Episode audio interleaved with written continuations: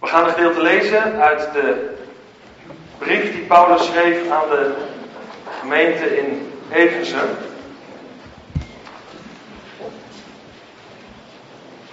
En vanavond is het al best wel pittig, best wel veel, maar wel heel erg mooi. Daarom ben ik blij dat we in deze ruimte zitten. Die is iets koeler als daar waar we net zaten. Dus dan blijft de aandacht langer erbij, denk ik. We lezen de eerste 14 versen van Efeze 1. Ik lees uit de herziene statenvertaling, dat zal ik dus alle avonden doen.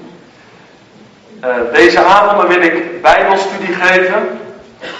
En dat wil dit zeggen dat we gaan kijken wat de Heere God tot ons te zeggen heeft vanuit de Bijbel. En het kan best zijn dat je misschien eens een vraag hebt. Het kan ook best wel eens zijn dat je het ergens niet mee eens bent.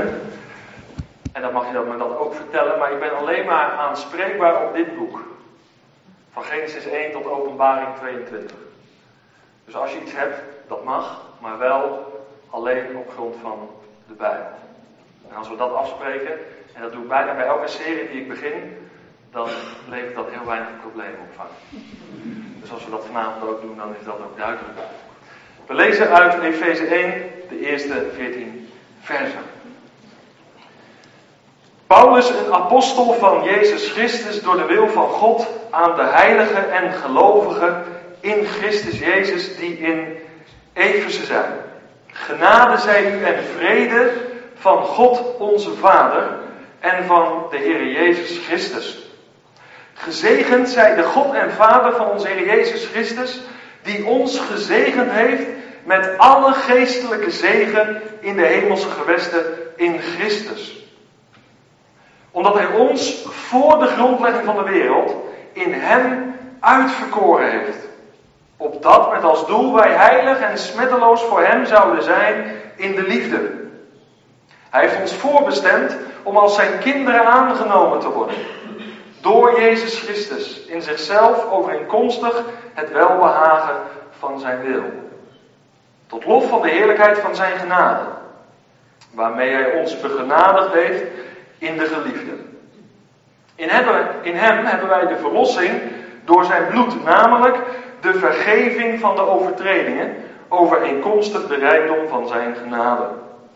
Die hij ons overvloedig geschonken heeft in alle wijsheid en bedachtzaamheid. Toen hij ons overeenkomstig zijn welbehagen, dat hij in zichzelf voorgenomen had, het geheimenis van zijn wil bekend maakte. Om in de bedeling van de volheid van de tijden alles weer in Christus bijeen te brengen. Zowel wat in de hemel als wat op de aarde is. In hem zijn wij ook een erfdeel geworden. Wij die daartoe voorbestemd waren. Naar het voornemen van hem die alle dingen werkt overeenkomstig de raad van zijn wil. Opdat wij tot lof van zijn heerlijkheid zouden zijn. Wij die al eerder onze hoop op Christus gevestigd hadden. In hem bent ook u, nadat u het woord van de waarheid, namelijk het evangelie van uw zaligheid, gehoord hebt. In hem bent u ook, toen u tot geloof kwam, verzegeld met de Heilige Geest van de belofte. Die het onderpand is van onze erfenis tot de verlossing die ons ten deel viel, tot lof van zijn heerlijkheid. Tot zover het gedeelte waar we vanavond over na willen denken. Ik zal de volgende keer ook proberen, althans proberen te onthouden, dat ik aangeef over welk gedeelte ik de daaropvolgende keer ga spreken, zodat je die al wat door kan lezen thuis. En je thuis al wat huiswerk kan doen. Vanavond dus de eerste 14 versen. Maar ik kan zeggen, daar hebben we onze handen vol aan. De Efezebrief. Dit is de eerste brief die ik vers voor vers heb doorgenomen toen ik in de zomer van het jaar 2000 tot geloof ben gekomen. Het is een brief met de fundamenten van het christelijke geloofsleven. Paulus onderwijst daarover de theorie en de praktijk van de christen individueel, maar ook van de christelijke gemeente. Hij onderwijst ons daar de basisprincipes. Wat betekent het nou om tot wedergeboorte, om tot geloof te zijn gekomen? Wat betekent dat nou? Wat houdt dat nou in? En de andere, het andere deel van de Efezebrief is veel meer gericht op de praktijk van het leven. Hoe leef ik nou als christen? Het is niet alleen iets wat ik tussen mijn oren weet en wat ik in mijn hart geloof, maar als het goed is, merkt jouw man, merkt uw vrouw, merken de mensen in je omgeving dat je de Heer Jezus hebt leren kennen. Dus het komt openbaar in onze wandel. En daar is behoefte aan vandaag, of niet? Er zijn zoveel mensen die menen de waarheid in pacht hebben. En je kan nog zoveel kennis hebben. En op zich is dat een zegen. Maar, maar kan je die kennis ook vertalen? Kan je de vertaalslag maken naar de praktijk van alle dag? Dat het gezien, ervaren wordt. Hey, dit is een broeder, dit is een zuster. Nou is er een beetje twijfel over of deze brief echt specifiek voor de gemeente in Efeze geschreven was. Omdat in verschillende handschriften de naam Efeze in het eerste vers, zoals die in de Statenvertaling wel staat, omdat die in sommige handschriften ontbreekt. En daarom zijn sommige uitleggers ervan overtuigd dat het meer een rondzendbrief was. Die naar verschillende gemeenten is gestuurd, is verstuurd. Hoe het ook zij, het is in ieder geval een brief met de fundamentele waarheden van het christelijke geloof. En het bijzondere is dat Paulus deze brief geschreven heeft toen hij in de gevangenis zat. En dat is, als je daarover nadenkt, je zit in de gevangenis en je zou bijna zeggen, nou je hebt genoeg tijd om te schrijven. En dan schrijft Paulus zo een brief die waarde heeft tot op de dag van vandaag. Hij zit gevangen. Waarschijnlijk zijn eerste gevangenschap in Rome. En deze brief is geschreven in het jaar 61, 62, 63, zo rond die tijd. Paulus onderwijst de gemeente en hij begint direct om zijn visitekaartje af te geven. En hij zegt: Ik ben een apostel van Jezus Christus door de wil van God. Als je wil weten wie ik ben, dan ben ik dit vooral. Mooi is dat, hè? Apostel. Hij is gezant. Hij vertegenwoordigt, hij is boodschapper van een staatshoofd, zouden wij zeggen. Hij is afgezant, hij is apostel van de koning der koningen en van de Here der heren. En Paulus heeft een boodschap van God ontvangen. En dat is al een belangrijke vanavond. Hoe zit je nou hier? Geloof je nou, gelooft u nou, toen we zojuist de Bijbel opendeden, dat de God die de hemel en de aarde gemaakt heeft, de God van Abraham, Isaac en Jacob, tot u sprak zojuist. 14 versen slechts. Maar de God die u gemaakt heeft, uw schepper, die sprak tot u. Ja, sterker nog, die spreekt op dit moment tot u. Tot jou. Als we vanavond zo luisteren, dan luister je al heel anders, toch? Dan moet je op het puntje, ik kan niet zeggen voor iedereen van je stoel, maar op het puntje van de bank gaan zitten. Wat heeft hij te zeggen vanavond tot mij? Ik spits mijn oren, ik wil geen woord missen. Omdat ik geloof dat de Heere God mij een boodschap heeft gegeven zoals Paulus toen. En ik kan niet in de schaduw van hem staan, maar ik geloof wel dat God vandaag nog gezanten heeft. Die een boodschap brengen die hij wil dat er klinkt. Een boodschap van God ten behoeve van de gemeente. Destijds in Eversen en vandaag in Alblassewaard of waar dan ook vandaan komt. Dat als eerste, besef dat. Een boodschap van God. Het is toch geweldig dat God vandaag nog spreekt. Dat je zijn woorden kan horen. En dat je zijn woorden mag gehoorzamen. Die horen altijd bij elkaar. Wees niet alleen hoorders van woord, ook na vanavond niet. Maar wees een dader ervan. Paulus heeft een boodschap van God. En dan begint hij met een geweldige groet, een geweldige zegen. En het eerste wat hij zegt is: Genade zij u en vrede. Genade. Dat is onverdiende gunst, dat is Gods liefde, geopenbaard in zijn Zoon, Jezus Christus. Dat is genade. Dat is het eerste wat hij vanavond tegen u en jou zegt. Genade zij u en vrede. Echte shalom. Gods vaderhart is vol van liefde en genade. En hij verlangt ernaar om ons echte shalom te geven. Vrede. Dat is niet alleen afwezigheid van oorlog. Maar dat is welbevinden. Mooi is dat hè? Dat het goed met je gaat. Dat je rust hebt. Vrede hebt. Dat je je wel bevindt. Dat is het verlangen van onze God. Zo begroet hij ons. En dan moet je eens opslaan Efeze 6.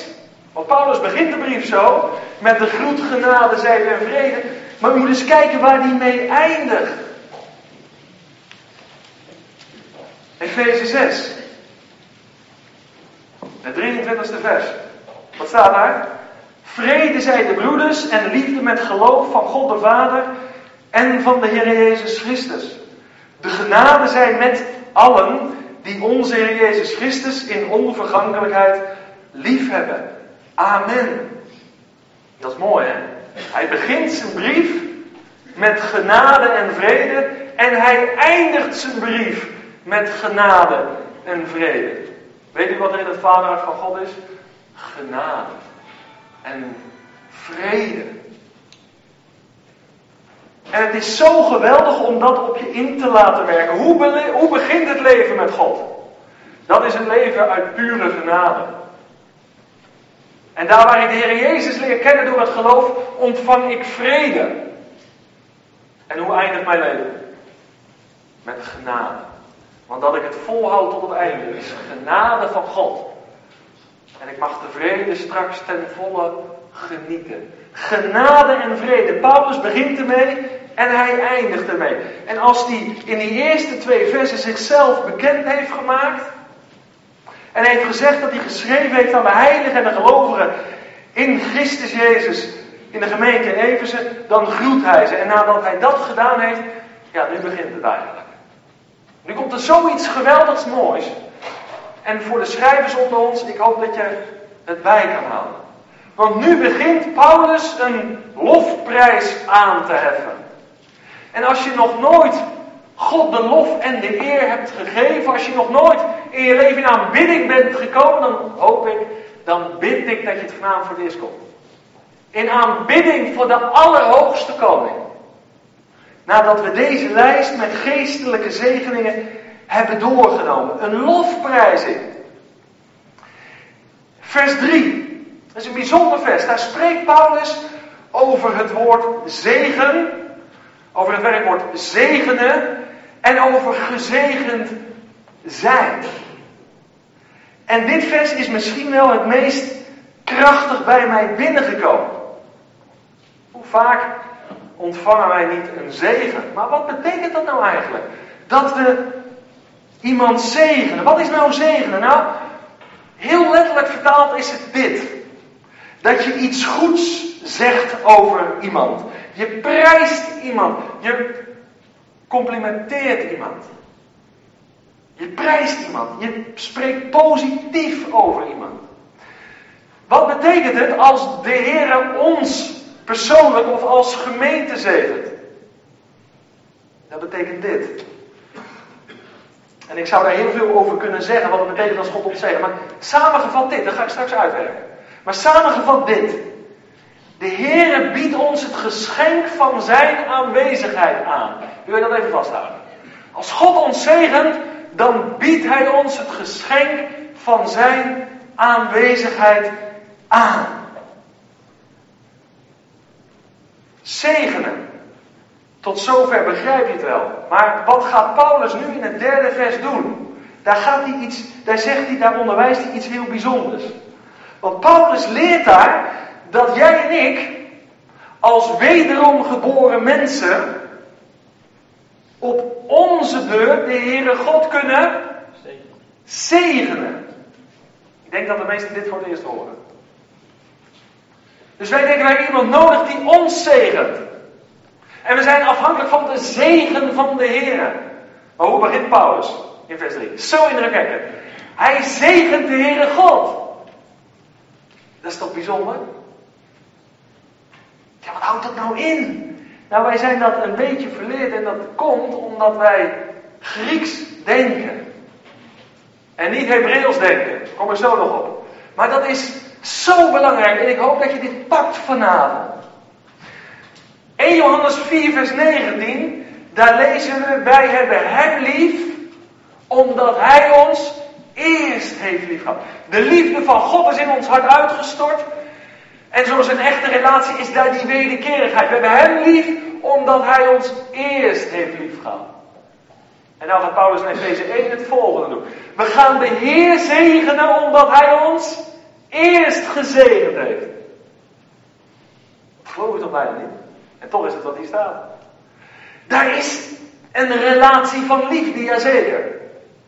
Maar de Heere God heeft ons zo gezegend. En daar ben je natuurlijk allemaal over in verrukking. Daar ben je verblijd over.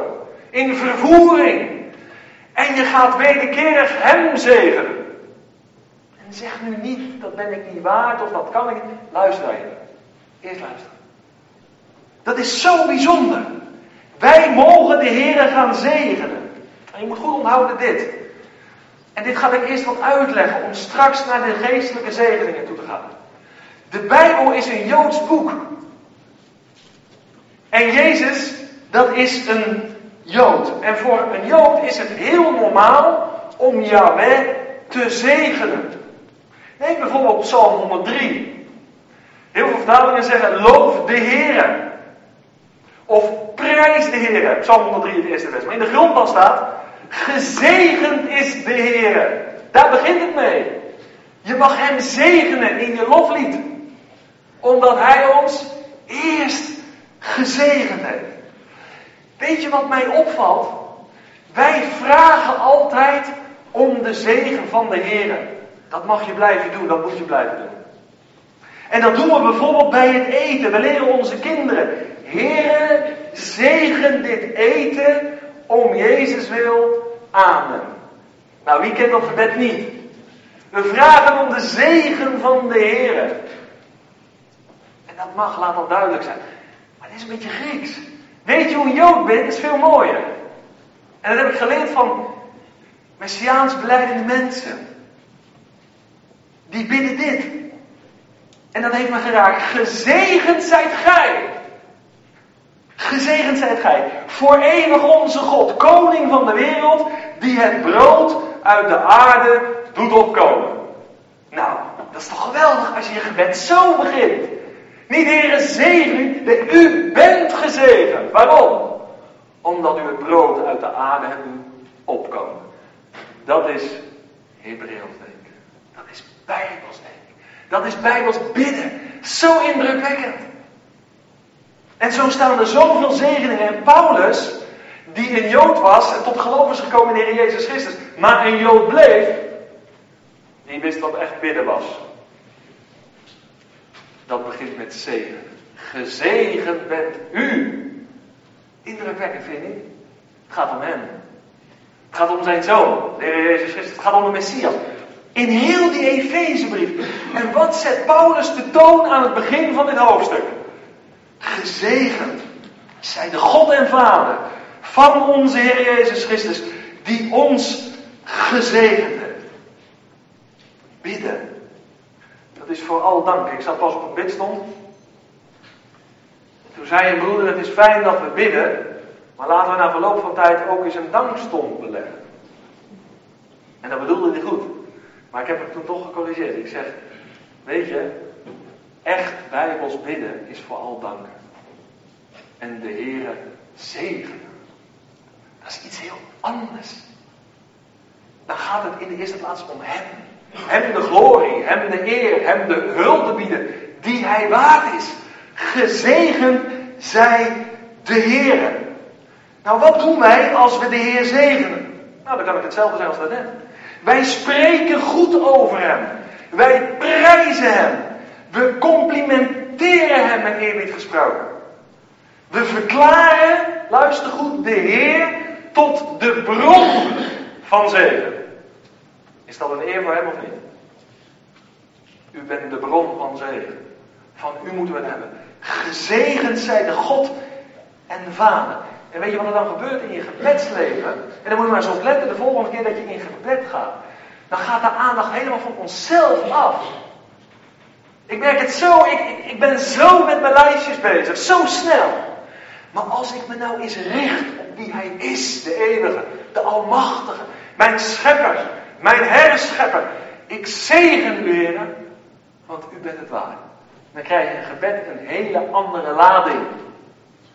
En ik hoop dat je dat oppakt en meeneemt voor je eigen gebedsleven. En in je eigen gemeente. Het is zo bijbels. Maar het is ook even afhankelijk van welke vertaling je leest, hoe dat eruit komt. Een vraag, dan ga ik verder. Wanneer heb je voor het laatst de Heer Jezus gezegd? In jouw persoonlijk leven. Wanneer heb je voor het laatst Hem geprezen, Hem geloofd, Hem aanbeden? Niet zozeer om wat Hij geeft, maar in de eerste plaats om wie Hij is, zijn karakter. Waarvan ik net gezegd heb, een van die karaktertrekken is vrede, is genade, is shalom. En daarom, Heere God, het gaat allemaal niet van een leien dakje in mijn leven. Integendeel. Maar ik wil u prijzen, ik wil u loven. Ik wil u die plek in mijn leven geven die u waard bent. Kijk, dat is aanbidden. Dan gaat het niet meer om mij. Dan word ik boven mezelf uitgetild. Dan is mijn focus op Jezus. En op Jezus alleen. En dit had nog het moment geweest om aan te zeggen. Hier gaat het om. Dit is gebed. Dit is aanbidding. In geest en in waarheid. We moeten verder. We gaan naar de geestelijke zegen. Maar dit is een geweldige inzet voor Paulus, of niet? Daar raak ik van onder de indruk als ik dat op me in laat werken. Zo begint hij zijn brief. De zegeningen, waar Paulus nu over gaat schrijven, de zegeningen die ons ten deel zijn gevallen. Ik hoop dat hier niemand meer zit die vanavond niet weet dat hij nog zonder de Heer Jezus leeft die nog steeds uit gewoonte misschien bijeenkomsten bezoekt. Of misschien ben je wel iemand die heel erg in twijfel zit en die zekerheid zo moeilijk kan pakken. Dat het vanavond de laatste avond is. En dat je niet naar huis zal gaan voordat je ook die vrede in je hart hebt. Want ik moet wel eerlijk zeggen, deze brief is geschreven aan de heiligen en aan de gelovigen. Aan wederom geboren mensen. Aan heiligen, aan mensen die apart zijn gezet. En die hun vertrouwen gesteld hebben op de Heer Jezus Christus. Mensen die aan een eind zijn gekomen met zichzelf. Maar in Jezus het leven hebben gevonden. Hebben ontvangen. Het leven hebben omhelst. Aan diegene is deze brief geschreven. En die mensen, die wederom geboren mensen, die delen in zegeningen. En luister nu goed, dat zijn geestelijke zegeningen. En dat staat tegenover fysieke, aardse zegeningen. Elke christen deelt in alle geestelijke zegeningen. Dat zegt de Bijbel. Dat wil niet zeggen dat het in mijn aardse leven altijd op rolletjes loopt. En dat ik elke dag kan getuigen. Oh, ik weet al, als je genade leert kennen, dan krijg je altijd meer verdiening. Maar soms is het moeilijk, ook in een christenleven. Het wil niet zeggen dat het in het aardse leven, in het, in het zichtbare, in het tastbare van mijn bestaan altijd voor de wind gaat. Dat is niet zo. Ik ben een gezegend mens.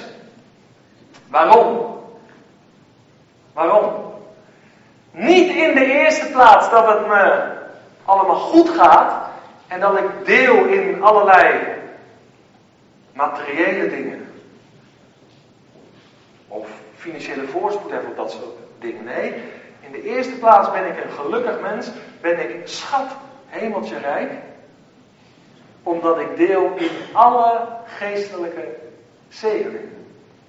We hebben verbouwing achter de rug thuis. En wonder boven wonder was dat geld voor die verbouwing allemaal binnen. De Heer heeft voorzien.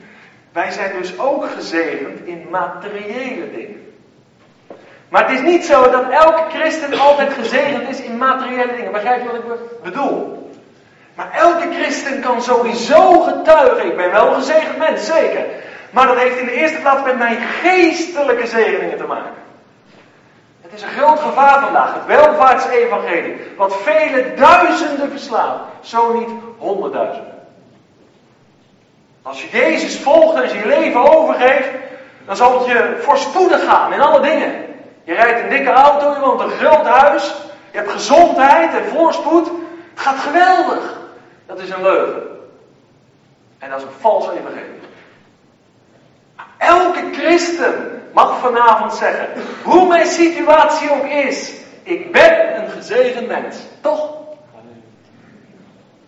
Dat was een vraag. Dat zijn we en dat moet tot ons doordringen. En in die verwondering wil Paulus ons gaan meenemen.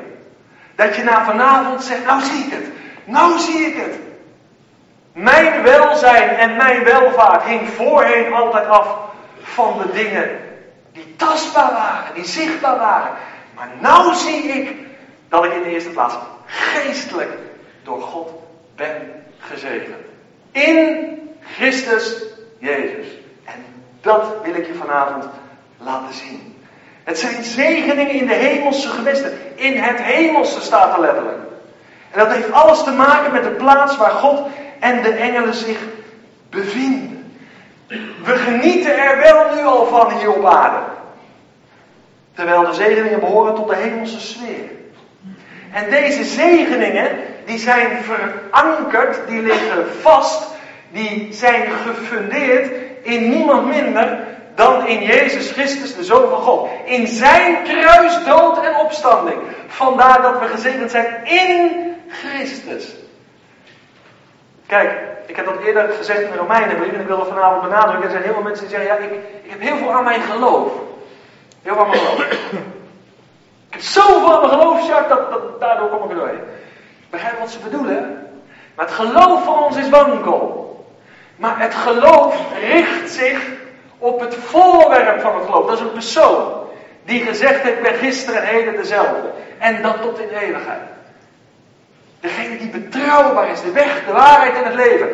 En daarin liggen de zegeningen verankerd. Is dat vast of niet? Beruwe stormen mogen woeden. Maar daarin ligt mijn anker vast. In zijn werk.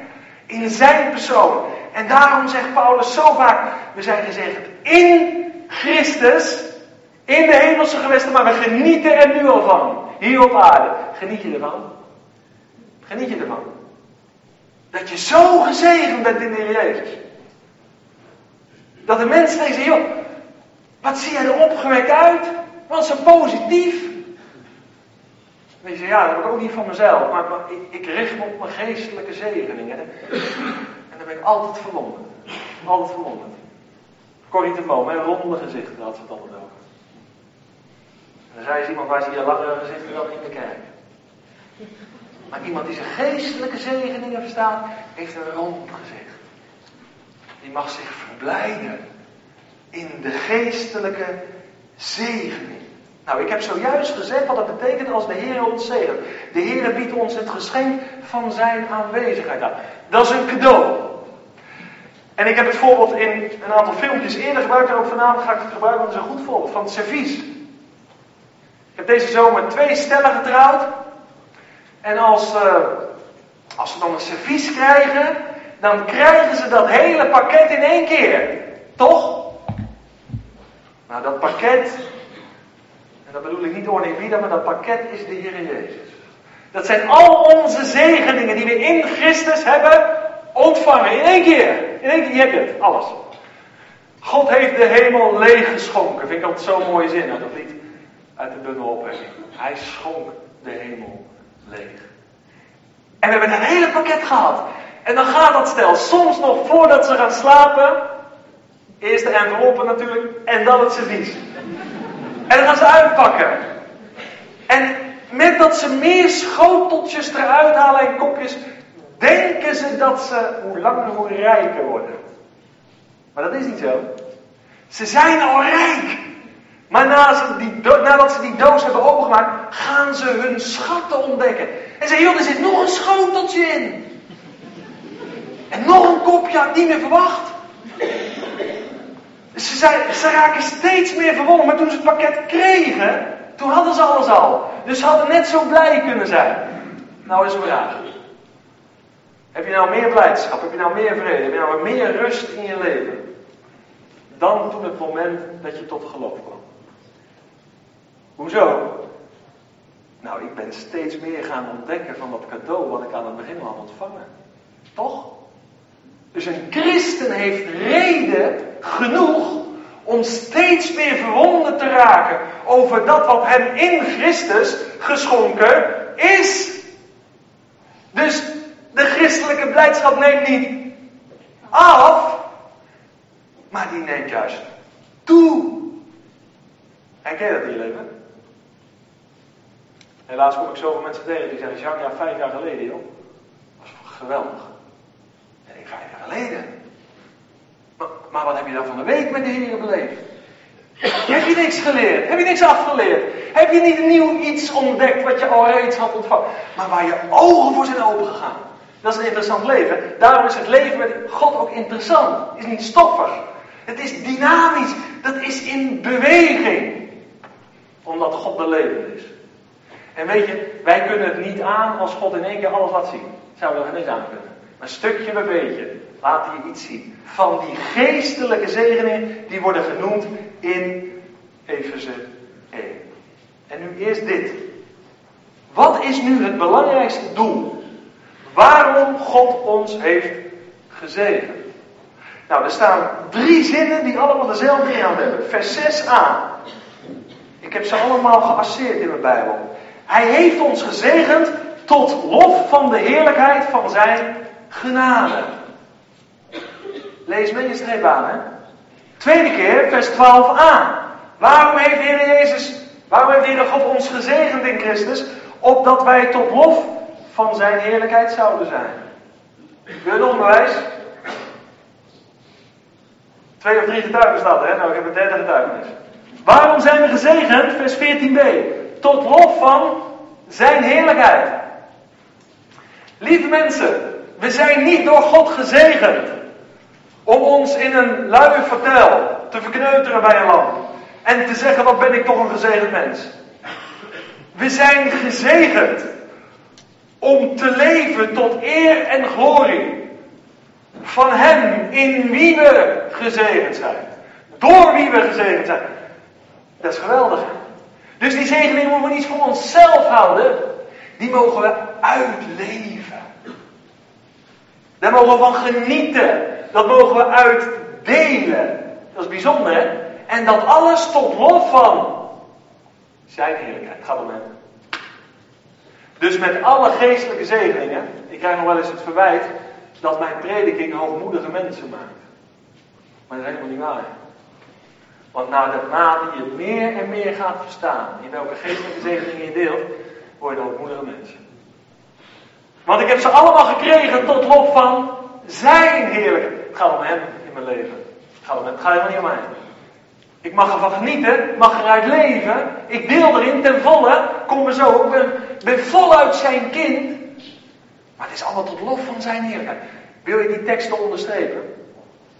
Dus je wordt er helemaal niet overmoedig van. Corrie ten Boom zei wel eens over complimenten, maar je zou het ook met de geestelijke zegeningen kunnen doen. Ze zeggen, ieder compliment is een bloem.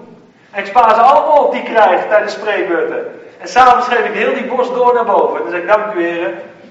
Kijk, daar word je niet overmoedig van. Je mag best complimenten geven, alleen moet ze doorgeven. Je mag roemen in je zegeningen. Je mag er voluit van genieten uit leven. Maar in de wetenschap dat je ze hebt gekregen. Tot lof van zijn heerlijkheid. Mooi is dat, hè? Dus hij krijgt eer. Kom bij hem vandaan, uit hem, door hem en tot hem zijn alle dingen, toch? Dat is mooi, hè? Het gaat altijd om de Heer Jezus Christus. En laat het in jouw leven altijd om hem gaan. Laat het in de gemeente waar je deel van uitmaakt altijd om hem gaan. Want hem te kennen is het leven. En dat tot in eeuwigheid. Nou, daar komen ze. Zeven zegeningen. Schrijf ze op. Noteer ze.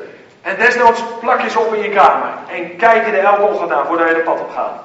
En zeg je, dank u wel, Heer Jezus, dat ik hier indeel. Eén voor één, stuk voor stuk, gelden ze ook voor mij. En zeg vanavond niet, ja, maar bent het niet waard? God heeft een liefde zonder aanzien des persoons. Het is ook voor jou. Ja, we zeggen zo'n klein geloof, dat doet er niet toe. Degene die gelooft, die deelt erin. Groot geloof of klein geloof. De eerste is dit. We zijn uitverkoren in Christus voor de schepping van deze aarde. Voor de grondlegging van de wereld. Vers 4. Dan komen we op dat moeilijke leerstuk van de verkiezing. Nou, een boek over geschreven. Zijn conferenties over gehouden, zo weet het nog niet. Maar er is een verkiezing. God kiest soeverein. Door Christus. En hij heeft ervoor gekozen om zijn plan door de Heer Jezus te realiseren. Maar gelukkig kwam ik een predikant tegen die me altijd dit gezegd heeft. Ik ben nooit meer vergeten. Ik kan alleen maar zingen van de verkiezing. Want verkiezing is pure genade van God. Paulus, luister goed, die stelt de verkiezing voor als een geestelijke zegening en niet als een bedreiging. Zou je dat volhouden? Hij zegt verkiezing, dat is een geestelijke zegening. Wil je er voortaan zo naar gaan kijken? Paulus zegt helemaal niet, het is een van de zeven bedreigingen. Het is een van de geestelijke zegeningen. En dat moet je gaan ontdekken. De verborgen dingen die zijn voor de Heere God. Toch? Kan je over nadenken, kan je naar speuren en zoeken met het verborgen dingen voor de Heer. En de geopenbaarde dingen voor ons. Hoe weet je dat je uitverkoren bent? Heel eenvoudig. 1 Johannes, Johannes 1 vers 12. Allen die hem aangenomen hebben, hun heeft hij macht gegeven kinderen van God te worden, namelijk die in zijn naam geloven. De enige manier hoe je kan weten dat je uitverkoren bent, dat is het offer van de Heer Jezus aanvaarden. Voor je eigen hart, voor je eigen leven, heel persoonlijk. En dat geldt voor jou. Je gelooft nou groot of klein is. En meer ga ik er niet van zeggen. Ingewikkelder ga ik het niet maken. Want we zijn weggedwaald bij de eenvoudigheid die in Christus Jezus is. Wie gelooft, die heeft het. En alleen in de weg van geloof kan je weten dat je een uitverkoren vat bent. En geloven is vertrouwen op die ander met een hoofdletter. De Heer Jezus Christus. Nou is het heel opmerkelijk. In alle discussies over verkiezing, weet je waar het dan over gaat? Over redding over vergeving van zonde. Maar Paulus spreekt daar helemaal niet over als hij over verkiezing heeft. Moet je eens opletten. Paulus spreekt helemaal niet over de verkiezing in het licht van vergeving van zonde of van redding. Weet je wat hij zegt? Je bent verkozen om heilig en smetteloos te leven. Ik heb je verkozen, ik, ik heb je apart gezet. Om toegewijd aan mij te leven, want dat staat in vers 4. Uitverkoren op dat, belangrijk woordje. Met als doel wij heilig en smetteloos voor hem zouden zijn in de liefde. Zie je dat heel die discussie in heel ander licht komt te staan? Paulus ziet de uitverkiezing allereerste plaats als een geestelijke zegen. En hij zegt, die uitverkiezing heeft ook nog een doel. Dat je heilig en smetteloos voor God leeft. Daarvoor heb ik je uitgekozen. Apart gezet voor mij. Tweede. Oh, ik moet verder, het zijn er zeven. De tweede. De eerste was dus uitverkoren in Christus. De tweede is we zijn voorbestemd om opgenomen te worden in het huisgezin van God. Vers 5. Voorbestemd om opgenomen te worden in het huisgezin van God. We hebben een bestemming gekregen. Hij heeft niet alleen ons uitverkoren, hij heeft ook een bestemming voor jou en mij. Vind je dat niet mooi? Ik heb vroeger in de makelaardij gezeten, had je te maken met bestemmingsplannen. Nou, iemand die in de hand en reis die weet dat een bestemmingsplan. Elk stukje grond, ook hier in Hendrik Landbach, heeft een bestemming. Agrarische bestemming of een woonbestemming. Er is iets voor dat plekje, daar is een doel voor. Dat heeft een bestemming gekregen. Jij en ik zijn niet alleen uitverkoren, God heeft ook een bestemming voor je. Een doel voor je en dat is zo mooi. Kijk, uitverkiezingen, kijk je naar het verleden, hoe is dat toen gegaan? Zijn dingen verborgen, zijn dingen openbaar. Maar voorbestemming kijkt vooruit. Kijk naar het doel van de verkiezing. We zijn opgenomen, zo bijzonder, in het huisgezin van God. En omdat we volwaardig gezinslid zijn, zijn we ook verbonden aan de rechten en plichten van het kindschap in het huisgezin. De rechten en de plichten. Dat is ook iets van de gemeente, dat is belangrijk vandaag. Ik heb gisteren ergens gesproken, daar heb ik gezegd, de gemeente is vandaag net een duiventeel. Je fladdert eens aan en je kijkt eens wat rond. Je zegt, oh, dat is wel wat, of het is niet alles. Dan we weer wegvliegen. Dan ga je weer naar de volgende duivendeel. Of je komt nog een keer terug. Maar vooral niet binden. Vooral niet binden. Wel, wel het genot, maar niet de lasten. Nou, wij zijn bestemd om opgenomen te worden in het huisgezin van God. En dat betekent ook dat daaraan rechten en plichten verbonden zijn. En ik weet niet uit wat voor gezin je komt. Dat bedoel ik niet grappig of spottend of iets dergelijks. Als we tot wedergeboorte zijn gekomen, dan kunnen we in ieder geval dit zeggen. Ik kom uit een warm nest. Ik leef dicht bij het vaderhart van God. Ik maak deel uit van zijn gemeente. Ik ben onderdeel van zijn lichaam. Ik ben onderdeel van het huisgezin van God. Echt een warm nest. Daar is God vader. Daar is de Heer Jezus. Eerst was hij de enige geborene, maar nu is hij de eerstgeborene, want er zijn er vele gevolgd. Jij en ik ook. Is dat niet bijzonder? Dat we tot datzelfde huisgezin behoren? Dat is één van de geestelijke zegeningen waar we in delen. We zijn voorbestemd om in het huisgezin van God opgenomen te worden. En wat een bemoediging voor hen, ook onder ons vanavond. Die moeten zeggen, Jacques, jij weet niet uit wat voor gezin ik kom. Liefdeloosheid, verdeeldheid, misschien te maken gehad met scheiding, misschien al met afwijzing. Wat een bemoediging vanavond voor jou. Dat je in ieder geval tot dit gezin behoort. En dat je een vader hebt die betrokken is op je leven. Hoe zwart je verleden ook is. Die je lief heeft. Die je voorbestemd heeft om zijn kind te worden. Nou, dan ga je toch zingen in huis vanavond. Misschien te midden van de pijn en de breuken en de scheuren van het leven. Dat je mag weten, ik heb een vader in de hemel. Wiens ogen op mij zijn. De hele dag. Prijs de Heer ervoor. Voor deze geestelijke zegen. We gaan verder, de derde. We zijn aangenomen tot kinderen. In de tweede plaats was het voorbestemming. Maar het is niet bij voorbestemming gebleven. Gelukkig niet. Nee, we zijn ook daadwerkelijk aangenomen tot kinderen. Ik heb het net gelezen, Johannes 1 vers 12. Dat degene die geloven, die op hem vertrouwen, die zich aan hem overgeven, die heeft hij macht gegeven om kinderen van God te worden. Op grond van zijn offer. Wat door de Vader is geaccepteerd, het offer van Jezus. Dat keurde hij goed, daar stemde hij mee in. En op grond van dat offer, waar ik me helemaal op verlaten heb, waar ik me aan heb overgegeven, wat mijn leven is geworden, op grond van dat offer, heeft hij mij en jou aangenomen tot zijn kind. Geweldig toch? Kind van de Hemelse Vader. Zekerheid, vastheid. God de Vader heeft het werk van zijn zoon geaccepteerd. En het is in hem dat ik aangenomen ben. Volwaardig kindschap. En dat is iets om ontzettend blij van te zijn. Want als ik kind ben, dan ben ik ook. Kom ik zo. De vierde zegening waarin we mogen delen. We zijn verlost van de zondemacht en delen in Gods genadige vergeving. Vers 7 en 8. Dat is geweldig. We zijn verlost. Verlossen heeft in de grondtaal te maken met vrijkopen, met loskopen. We zijn losgekocht. We zijn vrijgekocht. Waarvan dan? Nou, van de zondemacht, zegt Romeinen 7, vers 14. We waren slaven van de zondemacht. De zonde was heer en meester. Ik diende Satan.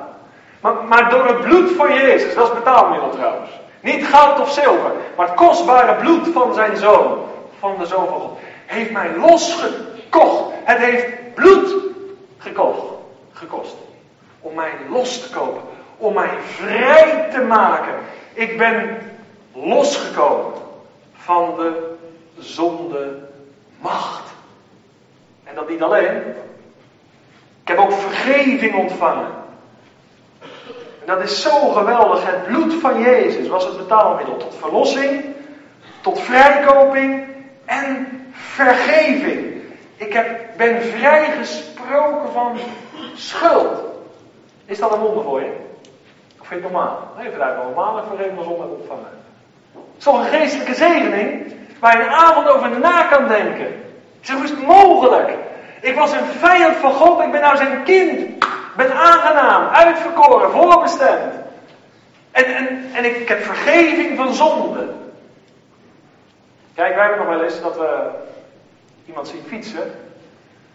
En zo, ja, het is een mooie vent dat. Hij heeft het wel beleden aan, maar vergeten doe het nooit meer. Als je hem ziet fietsen. Iets gedaan. Vergeving en vragen, nou ja goed, het is je vergeven. Maar als je hem ziet, denk je er altijd nog aan. Daar gaat het.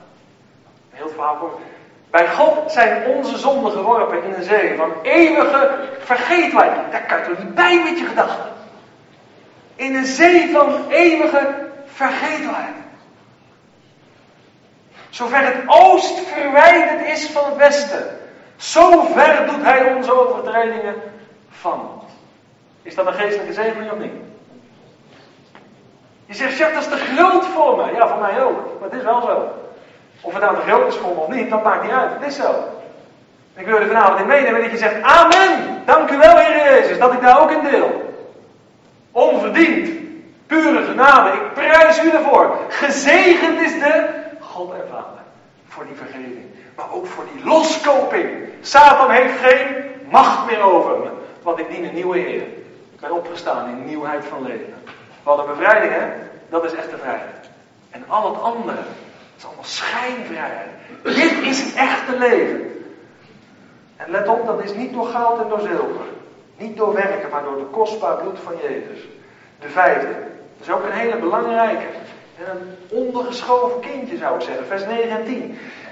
De vijfde zegening is, we hebben inzicht en kennis ontvangen met betrekking tot het eeuwige raadsplan van God. Nou, dat is een mondvol, ik zal nog een keer herhalen.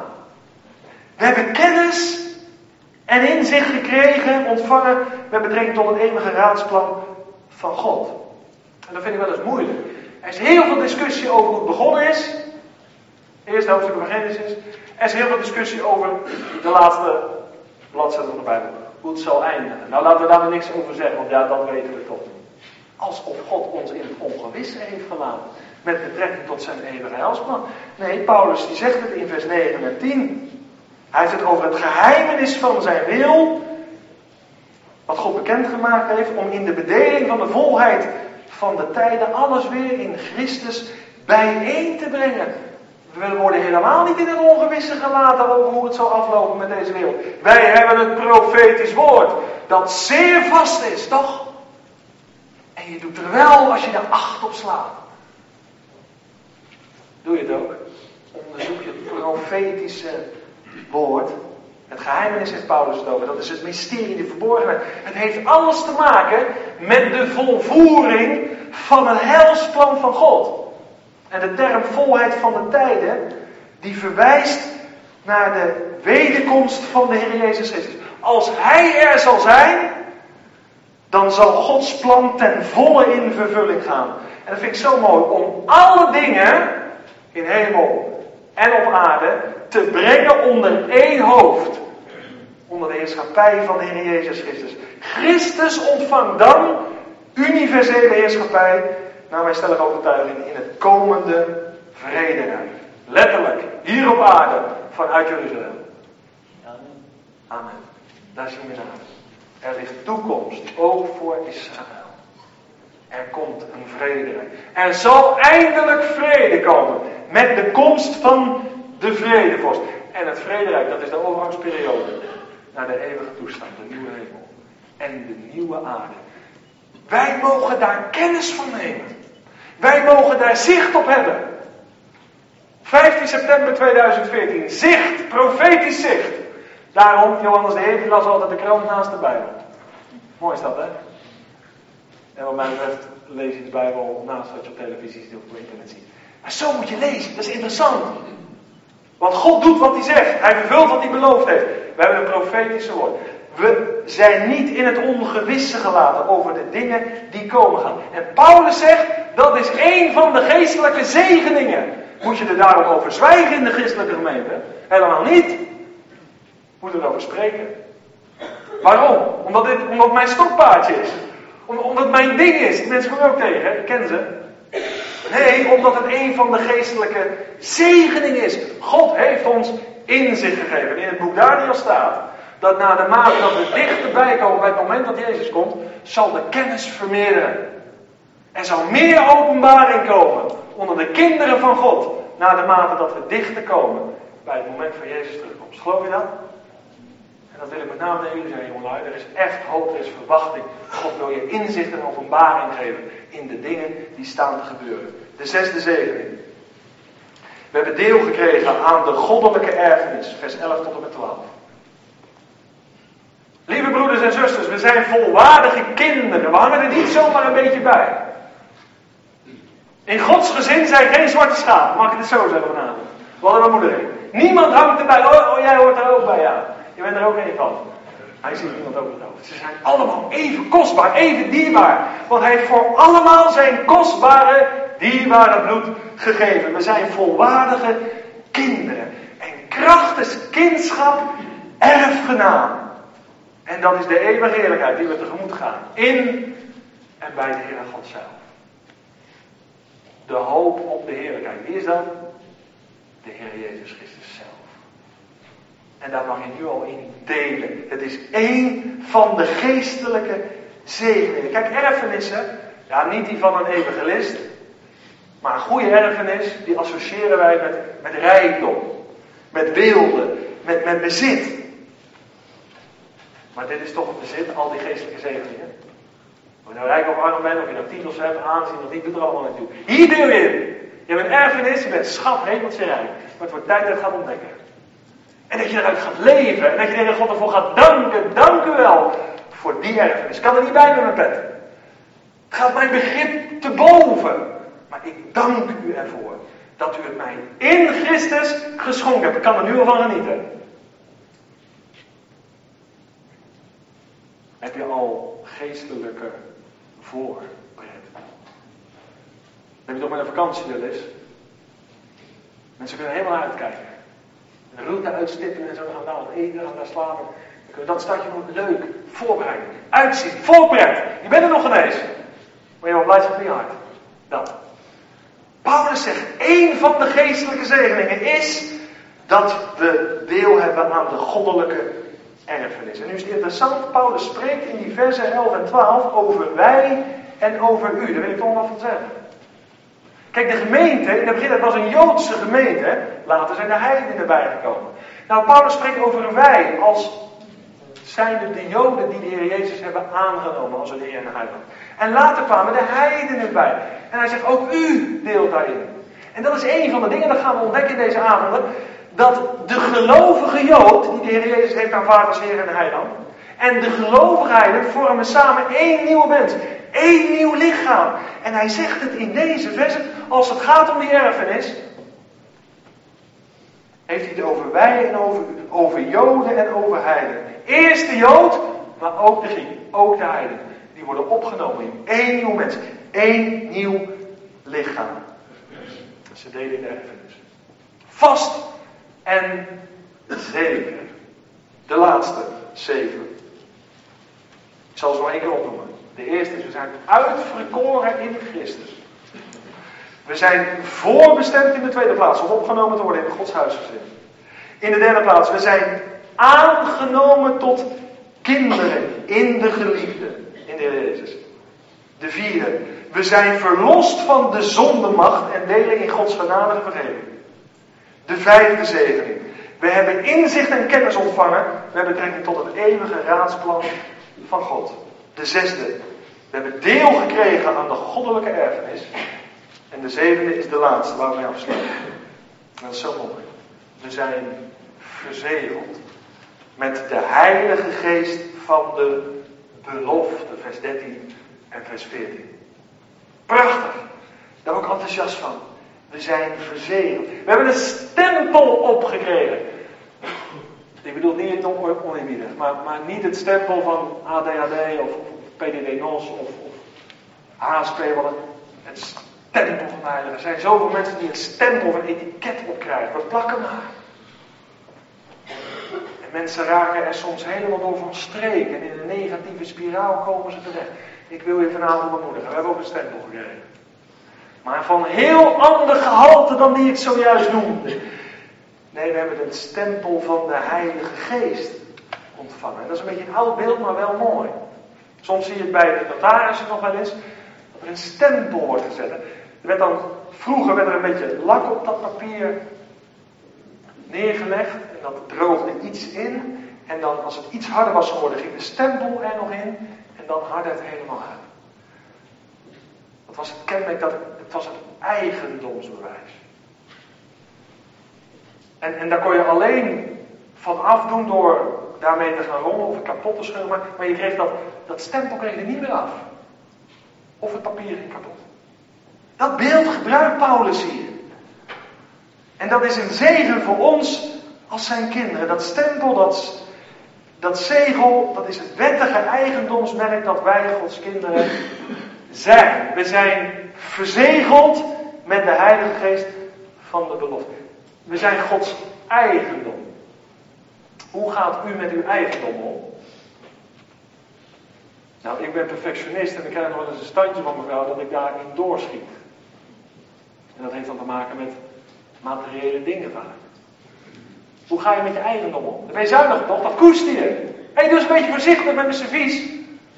Dat heb ik van mijn oma gehad. Er zit waarde aan. Eigendom. Materie. Gaat wel voorbij. Maar je hecht er waarde aan. Wij zijn Gods eigendom. Hij heeft het bezegeld. Zijn stempel erop gezet. En hij zegt tegen jou, je bent van mij.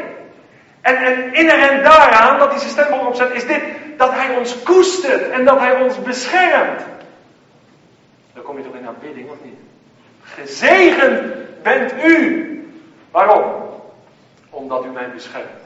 Omdat u mij koestert. Omdat u het zegel op mijn leven hebt gezet. Je bent voor mij. En dan de boze geen recht meer op je. Het oude leven ligt achter dat hebben we begraven.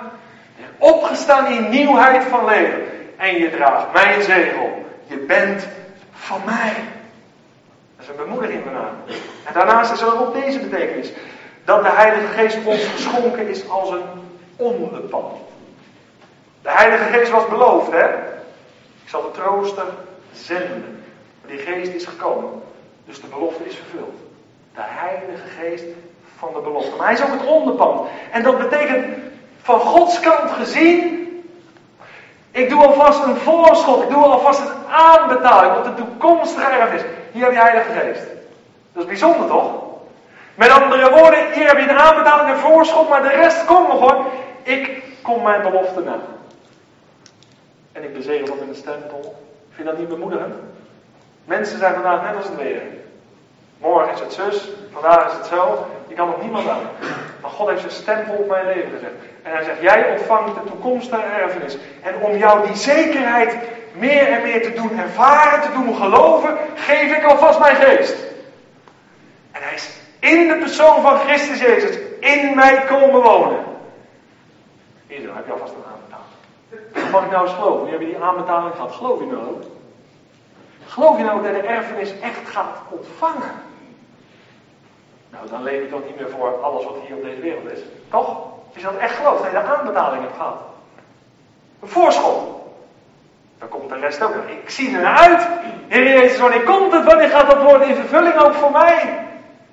Ik heb de aanbetaling hartelijk ontvangen. Ik heb u voor gedankt, geprezen, geloofd, verhoogd. Maar ik zie uit naar de volle vervulling. Naar die volle erfenis. En van onze kant bezien is de gave van de Heilige Geest een garantie en zekerheid stellen. Hoef je niet meer druk te maken daarom. Kom goed. Kom goed. Vader doet wat hij zegt. Ik dat zo mooi aan Anna van de Bijl. Als hij de Bijbel leest, zegt hij we gaan een stukje lezen uit Vaders boek. Die vertrouwelijke omgang God doet wat hij zegt. Hij vervult wat hij belooft. En dat bepaalt mijn vreugde. Want de beloften van God zijn in Christus Jezus ja en amen. En ik zet er dit bij. In het verleden behaalde resultaten bieden wel garantie voor de toekomst. In het verleden behaalde resultaten. Mijn Heer en Heiland, de Heer Jezus Christus. Hij is voor mij de dood ingegaan. Maar hij is ook weer opgestaan. En hij zit aan de rechterhand van de Vader. En hij bidt en pleit voor ons.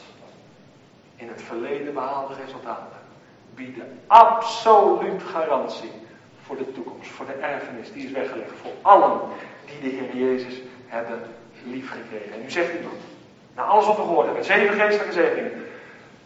Maar Jacques is te hoog voor me. Hoe krijg ik dit nou in mijn hart? Paulus geeft het antwoord. En dat is echt het laatste, vers 13a. Het is heel eenvoudig. Want voor wie gelden nu al deze heerlijke geestelijke waarheden? Deze geestelijke zegening. Heel eenvoudig, vers 13a. In hem bent ook u. Nadat u het woord van de waarheid, namelijk het evangelie van uw zaligheid, gehoord hebt in hem, bent u ook, toen u tot geloof kwam, verzegeld. Het gaat hier om het woord horen en het woord geloven. Dat is belangrijk. Die dat doen. Wie hun vertrouwen op Jezus stellen. Die delen in al deze geestelijke zegeningen. Ik heb het wel eens zo uitgelegd en ik doe het vanavond weer. U had vertrouwen dat deze banken u zouden houden toen u ging zitten, toch? Wie heeft eraan getwijfeld? Op deze kerkbank u zouden houden. Ik heb gekeken, maar ik zag niemand eerst voelen aan de kerkbank. U bent gewoon gaan zitten. U was vol vertrouwen dat hij zelfs uw gewicht houdt. En als we het nou eens overzetten. Ik bedoel het niet om te bieden. Maar de Heer Jezus Christus is de rots van het behoud. Is onze stoel.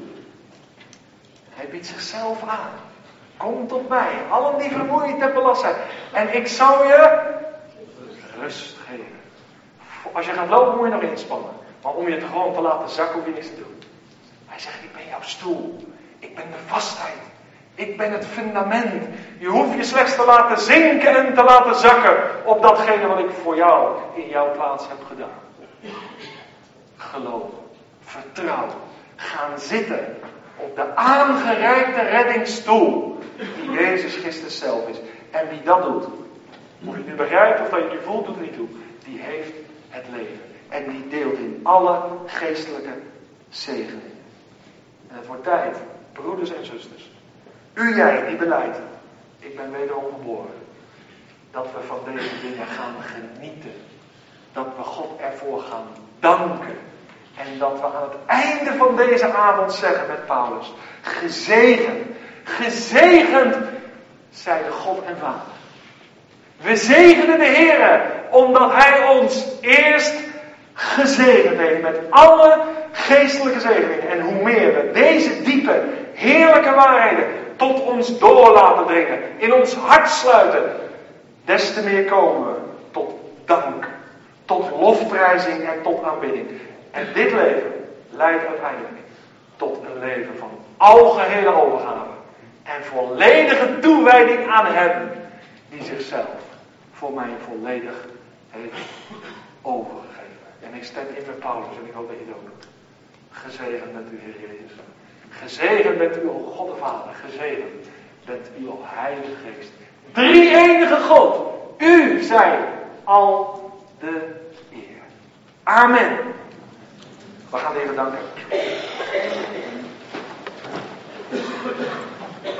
Vader, dank u wel voor deze avond. Het is allemaal anders gelopen dan we hadden gedacht, dan we hadden verwacht.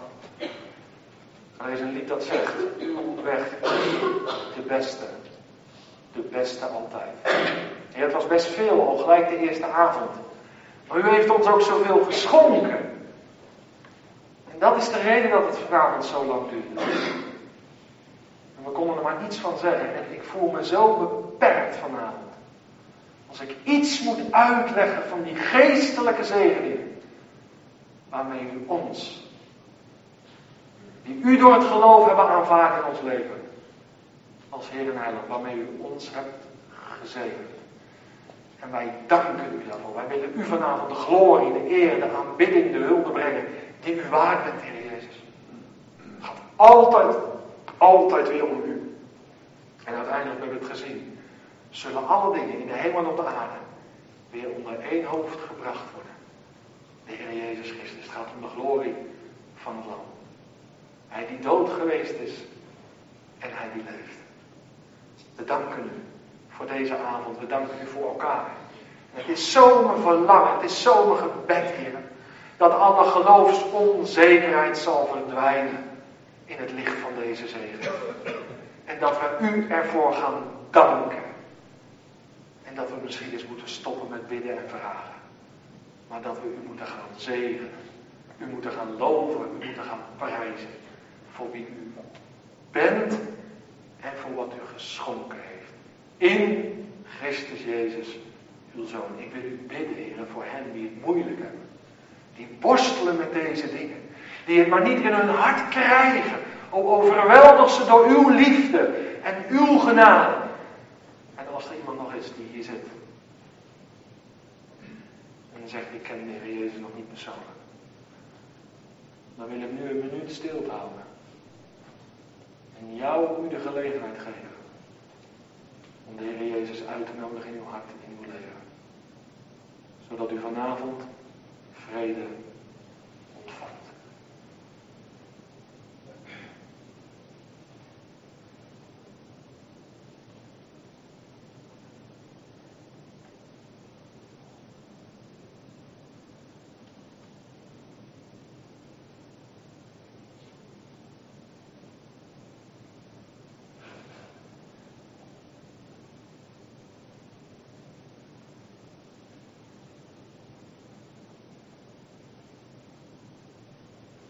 Vader, u kent ons, u doorgrondt ons, u weet wie zojuist iets tegen u gezegd heeft, iets gevraagd heeft.